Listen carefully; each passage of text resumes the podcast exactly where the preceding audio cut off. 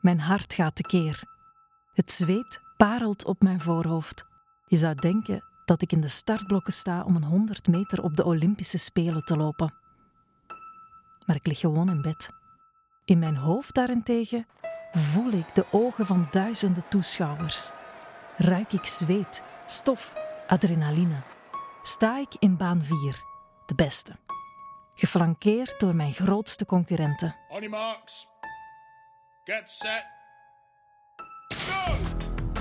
Ooit was ik Astrid de Sprintbom, het talent van de lokale sportclub.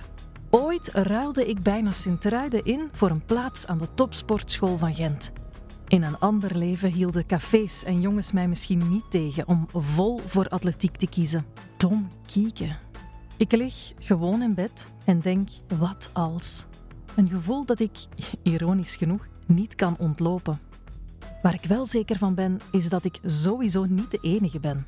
Meer nog, dat er sporters zijn die, in tegenstelling tot mezelf, wel de wilskracht en het doorzettingsvermogen hadden om die absolute top te willen bereiken. Die het zweet, stof, de adrenaline echt roken. En dat er ook tussen hen mensen zitten die in bed liggen en denken: wat als?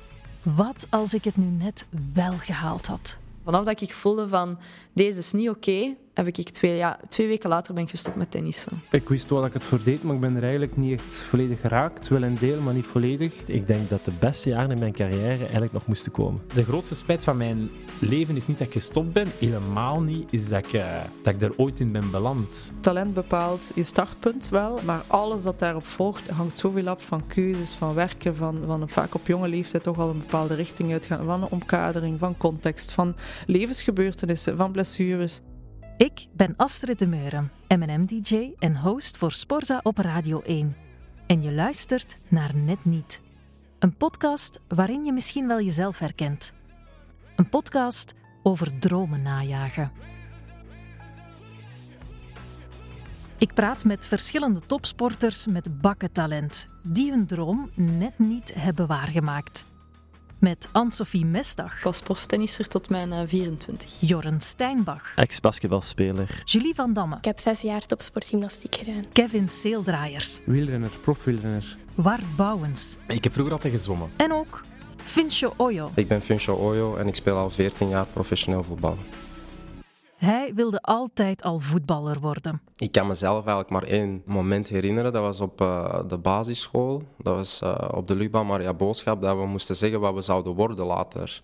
En ik denk dat ik toen een jaar of misschien zeven, acht was. En dat ik toen zei, ja, ik word profvoetballer. En dat de juffrouw zei, van, ik zou misschien iets uh, realistischer realistischere doelen stellen en misschien iets bijstellen. En ik zei, nee, ik word profvoetballer. Funzo Oyo met uh, zijn eerste in de paars-witte kleuren. De jongeman die bij PSV Eindhoven speelde en nu dus bij Beerschot. Al van toen hij heel jong is, wordt Funcho opgemerkt voor zijn uitzonderlijke talent voor voetbal. Hij is een generatiegenoot van Kevin De Bruyne en Eden Hazard en moet niet voor hen onderdoen. Funcho wordt gescout door PSV, een belangrijke Nederlandse club die op dat moment al twintig landstitels op zak heeft. Ja, ik ben op vrij jonge leeftijd dan naar Eindhoven gegaan op mijn 12. Hij is een van de jonge talenten in de jeugdploeg. Ik kon altijd goed lopen. Ik was toen nog bij de snelste. Bouwgevoel, ik kon goed trappen. En daar groeit hij uit tot een van de voetballers die het zou maken. Heb je dan nooit druk gevoeld van buitenaf, van je omgeving, van, van pers, van Oh, eender van- wie? Nee, van pers niet, maar van de club zelf wel. Je komt vrij snel in contact met een zaakwaarnemer, dus die had dan een contract geregeld op mijn 16. En eh, oh, mijn eerste jaar was nog, was nog vrij normaal, zeg maar, vrij ja, normaal wage, eh, salaris. Maar dan mijn tweede jaar ging al vrij snel naar boven eigenlijk, zoals een eerste jaar eerste ploegspeler. Dus dan krijg je gelijk die druk van, van de club zelf van oké, ja, nu ben je wel bij de eerste ploeg en je moet gaan doorbreken, jij bent de volgende en ja, dat gaat in je hoofd zitten. Je legt jezelf druk op natuurlijk, want het jaar voor mij waren er eh, wat oudere jongens met wie ik in de jeugd samenspeelde, die waren dan gedebuteerd op hun ja, 16 jaar en 11 maanden of zo. Dus ik zei, ja, ik wil debuteren op mijn 16 jaar en, en 10 maanden. Dus ik wil dan, ik, je wilt dan in die geschiedenisboeken, want je ziet wel wat dat zo teweeg bracht in de jeugd als iemand zijn debuut maakte, hoe er dan naar u werd opgekeken. Funcho groeit op bij PSV Eindhoven. Hij wil zo snel mogelijk in de eredivisie in Nederland debuteren. Dat is de eerste klasse. Oefenwedstrijd was ik 15 en dan heeft het uh, twee jaar geduurd tot mijn 17 voor mijn uh, competitiedebuut. Werkt dat dan juist iets om, om met je voeten op de grond te blijven of haalt dat u onderuit? Ik moet zeggen, ik heb, uh, ik heb toch wel goed gezweefd hoor. Ik, ik was niet altijd heel, heel grounded en, en humbled, bescheiden. Ik had vrij snel een beetje die Amsterdamse bluff. Dus ik had iets van, ik ben Fusho, ik ben de beste. En zo stond ik er tegenover. En zo ging ik ook het veld op. En, ja, en, zo leefde ik eigenlijk ook een beetje. En heeft dat in uw voordeel gewerkt? Ja, toch wel. Fake it till you make it, zeker. dus ja, het heeft, het heeft altijd wel gewerkt. Maar je krijgt ook wel het stempel van arrogant te zijn of te veel zelfvertrouwen Terwijl dat, dat niet zo is, want je, ja, iedereen heeft wel twijfels aan zijn eigen. Ik was bijvoorbeeld heel blij met Bad Boy Imago. Ik, ik hield ervan. Ik, ik was blij dat ik een Bad Boy werd genoemd. Ik wil niet zeggen dat ik mij speciaal daarna ging gedragen, maar ik deed gewoon wat ik wou. Zo op maandag um, met jong PSV, we op maandag spelen, dan speelde een wedstrijd. En dan na de wedstrijd gingen we naar maandag op Versus. En dan gingen we naar Hasselt, naar Versus. En dan dinsdag gingen we gelijk naar de training. En dat wist iedereen. En dan was het, ja, Foens is weer geweest. En ik had zoiets van, ja, het is maandag. Ik kom dinsdag terug ik doe toch wat ik wil. Nu weet ik ook wel, ja, ik doe dat nu niet. Maar ja, het is de leeftijd. En een beetje dat gevoel van, ik ben on, onoverwinnelijk. Ik ben jong. Ik wil, die, dat, ik wil dat allemaal meemaken. En hoe mooi is het om, om dat op die leeftijd mee te maken, terwijl je daar tussen die oudere mensen staat en je doet dezelfde dingen ja, die herinneringen en ervaringen, dat, dat neemt ook niemand meer af. Je zit bij PSV, je speelt daar een eerste ploeg, heel jonge leeftijd toch wel. En dan is er dan plots iets gebeurd. Ik lees bijvoorbeeld op Wikipedia, daar staat simpelweg: de grote doorbraak kwam er nooit. Wat is er gebeurd in Eindhoven? Zometeen vertelt Funcho hoe het allemaal is misgegaan. Heb ik nog een kans gekregen om om terug te komen naar de eerste ploeg, die zelf helemaal verpest. Maar eerst leer je Julie van Damme kennen. Uh, we zijn nu in de turnzaal in Brugge, in de gymnastiekzalen. En hier ben ik eigenlijk van een klein meisje opgegroeid tot ja, de gymnast die naar Gent is gegaan. En dat is hier eigenlijk mijn tweede thuis geweest voor heel lang. Welk toestel is hier jouw favoriet? Uh, de barre. Ja, dat deed ik altijd vragen. Omdat het echt zo'n gevoel heeft van, nu ben ik aan het vliegen.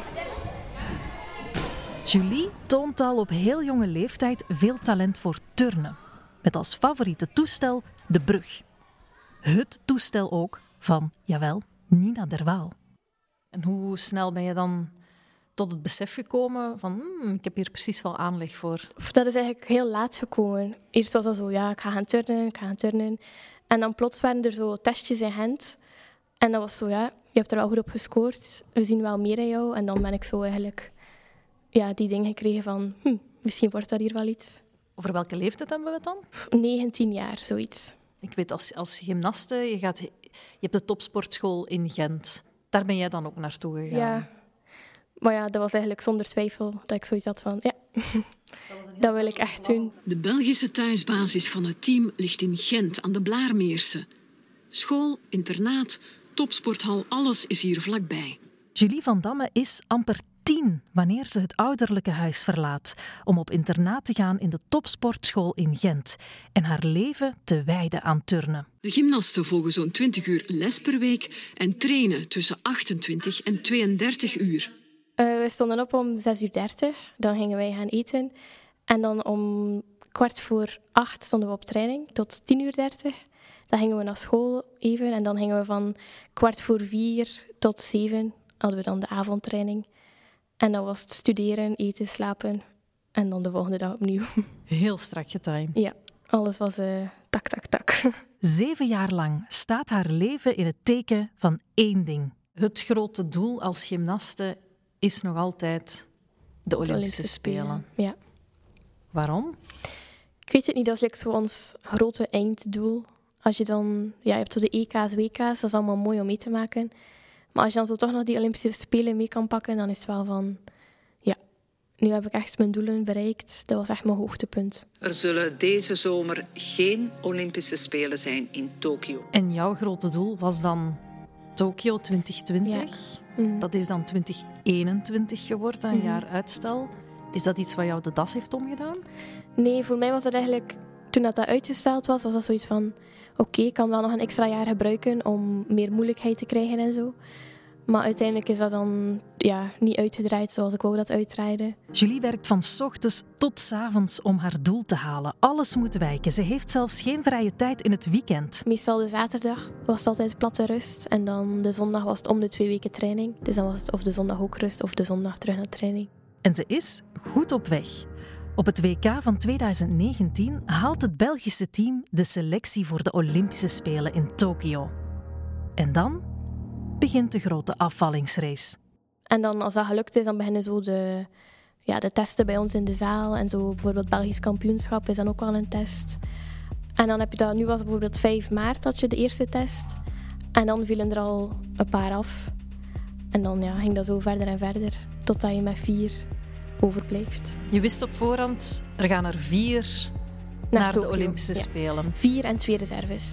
Oké. En Dus ja. jij bent letterlijk tot een paar maanden voor Tokio Ja, in maart ben ik eigenlijk eh, gesneuveld. gesneuveld. Oh, Ja. Verschrikkelijk. En met hoeveel waren jullie toen nog? Eh, Twaalf of zo, denk ik. Ja, we waren wel met een grote groep. Ja. Ook voor Julie van Damme spat de Olympische droom uiteen. Mag ik vragen waar het is misgegaan? Stress en druk op mezelf. Ja. ja, mijn voorbereiding was ook niet altijd top. Maar dan op het moment zelf was ik helemaal eh, de kluts kwijt, precies.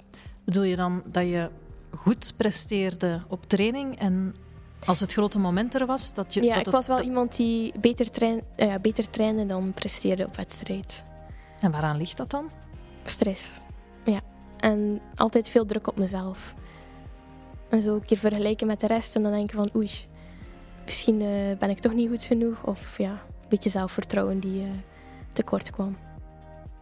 Julie heeft zeven jaar lang alles gegeven om naar de Olympische Spelen te gaan. Om dan de selectie net niet te halen. Als ze het echt zeiden van ja, voor jou stopt het traject hier, was het wel van, my, ja, Hoe voelde die je droom op dat moment? is weg. Ik had zo geen doel, niks meer. Ik wist ook niet wat ik moest denken of moest doen. Ik heb dan vooral heel veel geweend. ik was zo'n beetje, ja, hopeloos precies. Ik heb wel een gevoel dat ik er veel voor gedaan heb en dat ik er zowel alles voor gedaan heb om het toch te proberen te halen. Maar dan gewoon, ja, dat het niet, niet goed genoeg was. Ik heb daar veel over nagedacht in mezelf van, was ik nu echt niet goed genoeg of kon ik nu echt niet beter doen? Maar dan dacht ik van ja, die andere meisjes zijn ook gewoon zo goed dat het sowieso moeilijk ging worden. Ja, want je spreekt over die andere meisjes. Ja, het zijn vriendinnen, veronderstel Ja, ik. ja. Je staat dag in dag uit Dat samen daar op die turnmat. Ja. Aan die toestellen. Mhm. Maar toch ook wel jaloezie, denk ik. Ja, ik gunde het wel. Allee, iedereen werkt er hard voor, iedereen doet er zijn best voor. En ja, soms lukt het en soms lukt het niet. Gun je het elkaar dan echt? Oprecht? Ja, echt oprecht. Want het is wel, om het heel kort te zeggen, jij of ik. Ja, ja, het is één van de twee. Het kan misschien niet allebei zijn. Maar nu, je legt je daar wel bij neer. En dan letterlijk een paar maanden later is, zijn het dan de Olympische Spelen. Mhm. Hoe beleef jij dat dan? Dat was moeilijk. Maar dan toch daar naartoe kijken en denken van... Ja, ik zat daar zo dichtbij om daar ook te staan.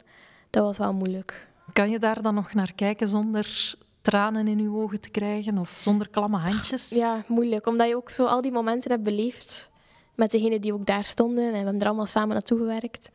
En dan zij mochten het tonen en wij niet. Dus ja, dat is sowieso wel moeilijk. Ja. Maar ze hebben dat supergoed gedaan. Julie is op dit moment nog altijd maar 18 jaar. Na de ontgoocheling over de Olympische Spelen in Tokio is eerst het plan nog om door te gaan tot de Spelen van 2024, die van Parijs. Maar Julie vindt het alsmaar moeilijker en moeilijker om nog motivatie te vinden. In juni, denk ik, ben ik tot besef gekomen van... pff, ja, nee, ik zie het echt niet meer zitten. Want er was zo nog een wedstrijd, de Fit Challenge, waar ik normaal gezien nog ging aan meedoen, voordat ik zo in vakantie ging. Maar iedere keer dat ik daaraan dacht, dacht ik van ja, ik heb eigenlijk niet meer zoveel zin om nog een wedstrijd te doen. Ik voel mij er ook niet meer klaar voor om nog ja, echt iets te tonen. Julie beslist om ermee te stoppen. Ja, terwijl je wel nog altijd... eh, In mijn ogen is dat dan piepjong, maar is dat dan in de turnwereld? Ja, dus wel nog jong. Want Ja. nu is de leeftijd ook aan het verlaten. Er zijn veel meer gymnasten die nog verder doen. Dus eigenlijk was ik wel nog redelijk jong. En hoeveel gesprekken gaan daar dan aan, aan vooraf, vooraleer dat je die knoop definitief doorhakt? Met, met wie spreek je dan of Eh, hoe pak je dat aan? Ik heb dat eerst eigenlijk verteld aan mama, dat ik zo mijn twijfel zat. En mama zei dan ook van, ja, je moet er goed over nadenken. Het is wel een grote beslissing dat je gaat nemen. Maar als ik eerlijk ben, dan denk ik dat het misschien nu wel beter is en het juiste moment is om te stoppen, omdat je nu ook naar het hoger gaat en de studies kan beginnen. En dan heb ik erover gesproken met de psycholoog, oh ja, hoe dat mijn gevoel was en wat dat ik nu misschien best zou kunnen doen. En die zeiden van, ja, probeer nog alles te geven op training, probeer terug plezier te vinden. Maar ja, dat ging dan uiteindelijk niet en de trainers zagen dat ook wel aan mij. En dan zo, ja, een keer gesprekjes in de zaal en dan uiteindelijk de knop doorgehakt van, ja, nu is het genoeg. En voorlopig de typische geur van turnzaal. Vind je nog leuk? Ja, maar de turnzaal hier ruikt anders dan de turnzaal in Gent. Dus voor mij is dat, ik weet niet, een ander gevoel. Als ik nu soms in de zaal in in Gent kom, dan denk ik van, ja, ik herken het weer. Julie geeft nu les in turnclub Varsenaren aan jonge meisjes die ook de droom hebben om ooit op de Olympische Spelen te staan. Beter en niet te veel met je hoofd hier draaien. Loes, het is niet slecht, maar je moet een beetje meer voor je kijken dat je hoger gaat.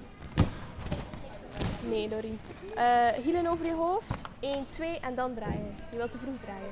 Om wat extra duiding te krijgen bij de valkuilen van topsport, heb ik gesproken met Eline Berings, een voormalig hordenloopster die nu psychologe is en jonge sporters begeleidt. De kans dat je zoiets bereikt, hè, als we spreken over, over ja, WK's, EK's, finales lopen, medailles winnen, ja, die is eigenlijk gigantisch klein. Hè. Ik heb daar geen statistische cijfers van, maar eigenlijk is dat, is dat bijzonder weinig. Ja, topsport hangt van zoveel dingen af. Het is eigenlijk zo complex, zoals ik zeg, zoveel keuzes die je moet maken, zoveel kantelmomenten. Bij wie kom je terecht, welke coach, eh, ja, hoe voelt u, hoe is, u, hè, hoe is uw thuissituatie, context. Zoveel factoren die, die van invloed zijn om dan dat ultieme te proberen bereiken, waar je eigenlijk ja, een deel ook mee geboren bent. Niet helemaal, maar toch, het heeft ook een invloed. En je startpunt is toch verschillend, afhankelijk van degene. Ja, dat echt wel uitzonderlijk is en dat, het, eh, dat heel veel mensen het willen op een bepaald moment, maar dat weinigen eh, ja, daardoor komen. Dus het is zeker iets uniek, ja.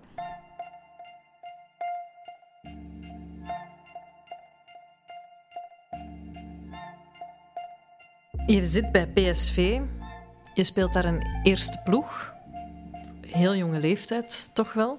En dan is er dan plots iets gebeurd. Ik lees bijvoorbeeld op Wikipedia, daar staat simpelweg: de grote doorbraak kwam er nooit. Wat is er gebeurd in Eindhoven? Kan je, kan je, dat, kan je dat omschrijven? Het is heel simpel. Ik, eh, ik, ik was aan het leven zoals ik wou leven. Als jonge speler is Funcho een van de grootste talenten van ons land. En eigenlijk proper binnengekopt door Ojo naar de grond geknikt. De bots naar boven. En zo was Olivier Renard dus gezien. Hij staat op dezelfde hoogte op dat moment met een jonge Kevin De Bruyne en Eden Hazard. Maar het loopt helemaal mis voor hem. En daar zijn drie verschillende redenen voor. Ten eerste, hij had alle mogelijkheden om door te breken bij de Rode Duivels. Maar dat is nooit gebeurd. Hij trainde nogthans wel bij de Jonge Duivels, het Belgisch voetbalelftal onder 21. Ik kon het niet. Ik kon, ik, kon, ik kon het niet. Wat bedoel je, ik kon het niet? Ik kwam aan en ik was, ik was gewend om alles goed geregeld te hebben. En ehm, de Belgische bond was toen nog niet op het punt waar ze nu waren. Dat ze, dat ze willen dat België in de kijker loopt en dat, dat ze goede spelers hebben. Dus ze staken ons altijd in van die rare hotels en zo. En ehm, ik dacht van ja, nee, dit, dit, zijn mijn, dit zijn mijn vrije dagen. Als ik nu bij mijn club was, dan had ik vier dagen vrij gekregen. En ik ben hier en ja, wij worden hier behandeld als ja, bijna amateurs.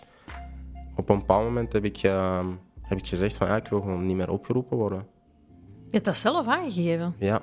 En dan de laatste keer was bij de onder 21, de, ja, de, de, de laatste stap. Dat was bij Frankie Dury, was toen eh, coach. En heb ik gewoon gezegd van ja, luister trainer, eh, ik voel het gewoon niet. Heb ik dezelfde frustratie gezegd als wat ik net heb eh, gezegd.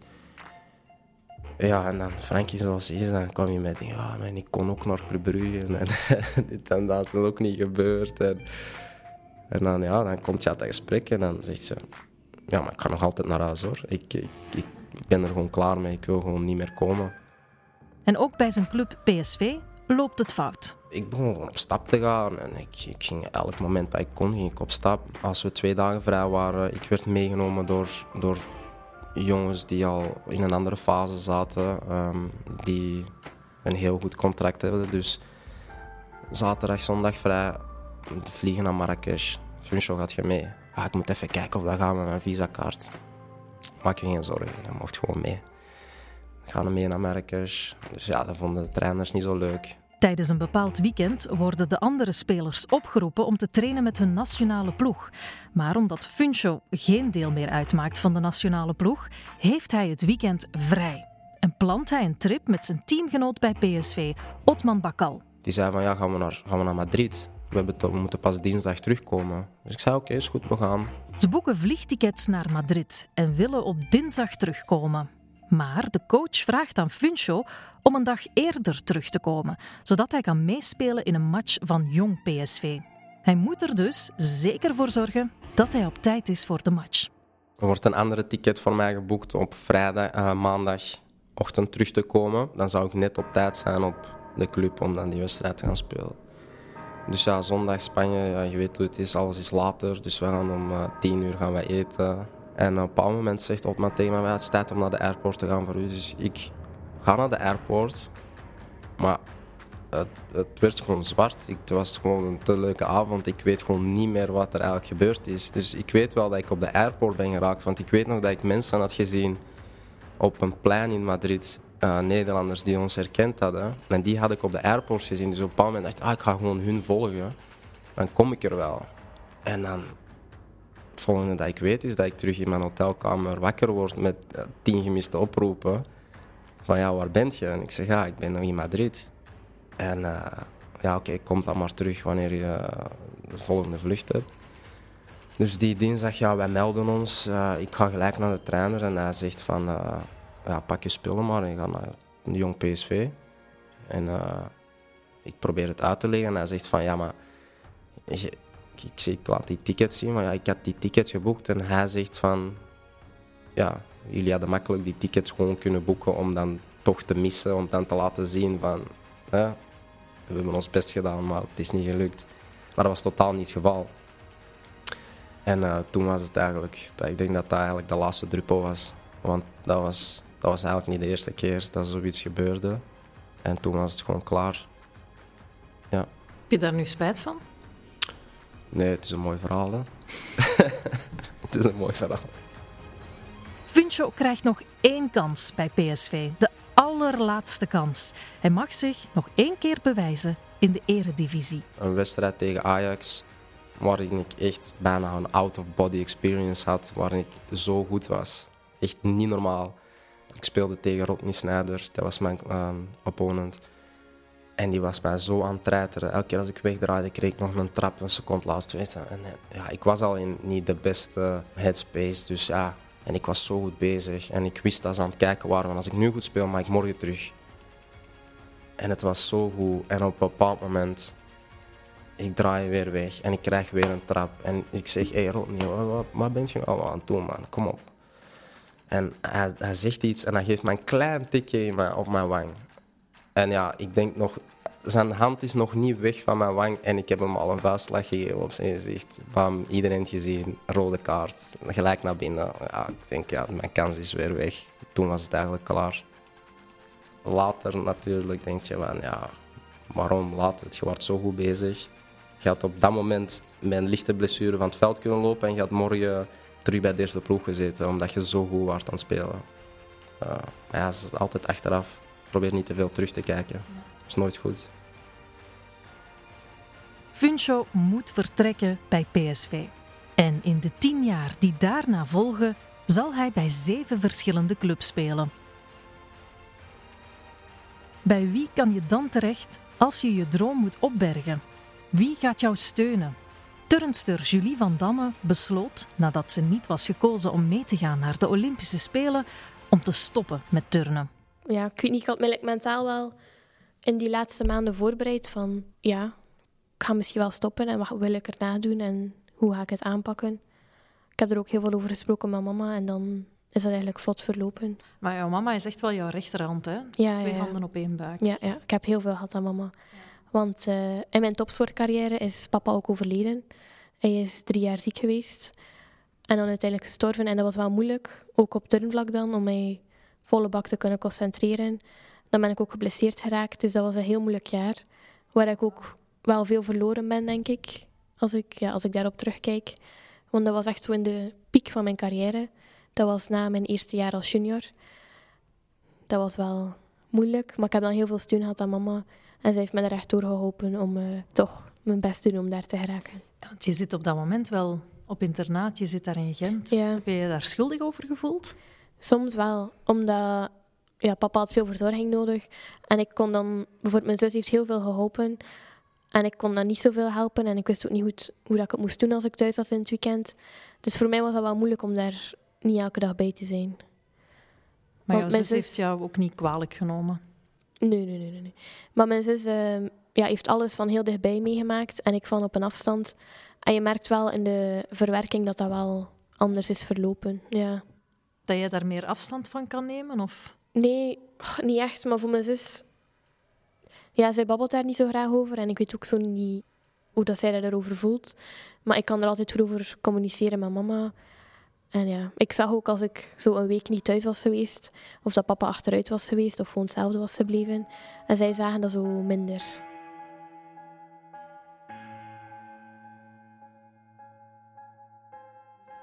Maar als je zegt dat was eigenlijk juist in de jaren dat ik aan het, aan het pieken was, Ja. dat heeft dan toch ook sowieso wel een impact gehad Mhm. op jouw Want- carrière. Ja, papa had altijd gezegd van... Ja, ik ga blijven tot Tokio 2022, eh, ja, 2020. En dan, ja, uiteindelijk is het WK 2019 ook niet gelukt. Dus was dat wel vroeger dan verwacht. Ja, moeilijk moment dan. Ja, want Op alle dat- vlakken. Ik kan me voorstellen dat dat wel iets is dat in je achterhoofd blijft meespelen. Van ja, papa wou dat ik... Ja, of had dat en voor dan had ik dat niet gehaald. En dan had ik zoiets van, ja, dat is nu ook precies of dat ik hem een beetje teleurstellen of zo. Maar. Heb je dat van je kunnen afzetten? Of... Ja, maar ja, ja, ik wist ook wel dat papa eh, weet dat ik mijn best gedaan heb en er alles voor gegeven heb. Dus ja, Maar denk je dat je papa trots is op jou? ja denk ik wel. Sowieso. Maar papa was ook altijd zo mijn, mijn trouwste fan. Mama zei altijd van, ja, ze gaan niet naar Gent gaan. Allee, zo goed is ze ook weer niet, denk ik. En papa zei altijd van, jawel, ze gaat halen, ze gaat ver komen. Dus ja. Had je carrière er dan anders uitgezien, denk je? Mocht je papa nu nog geleefd hebben? Ik weet dat niet goed.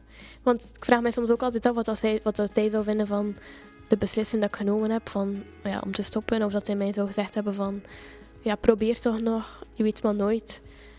Dus ja, soms is dat wel moeilijk om zo een tweede opinie te hebben, zeg maar. Ja, dat hij misschien wel nog jou die drive had kunnen Ja, geven om door te doen tot Mhm. 2024 of zo. Ja, ik weet dat niet goed. Ik heb al een hele rugzak. ja, het is echt, hè? Ja, maar soms sta ik er wel bij stil van. Als ik zo anderen hoor babbelen over wat zij allemaal hebben meegemaakt, denk ik van. Ja, ik heb echt wel al een hele ja, rugzak ja. vol. ja, mensen zeggen soms ook tegen mij van. Ja, je bent like wel hard. Ik heb soms zoiets van. Ik heb al zoveel erger meegemaakt. Dat dit gewoon. Dat ik dat wel kan relativeren van. Oké, het gaat wel, ja. Maar soms als ik dan de kraan openzet, zeg maar, dan blijft die soms heel lang open. Maar dat is voor bij mama dan. Ja. Mogen zij het een keer aanhoren. De ondersteuning van familie is superbelangrijk in topsport. Maar een overdreven ondersteuning of een gebrek eraan kan zorgen voor traumatische ervaringen. In de tweede aflevering van Net Niet hoor je meer over het belang van familie in topsport. En leer je tennister Anne-Sophie Mestag kennen.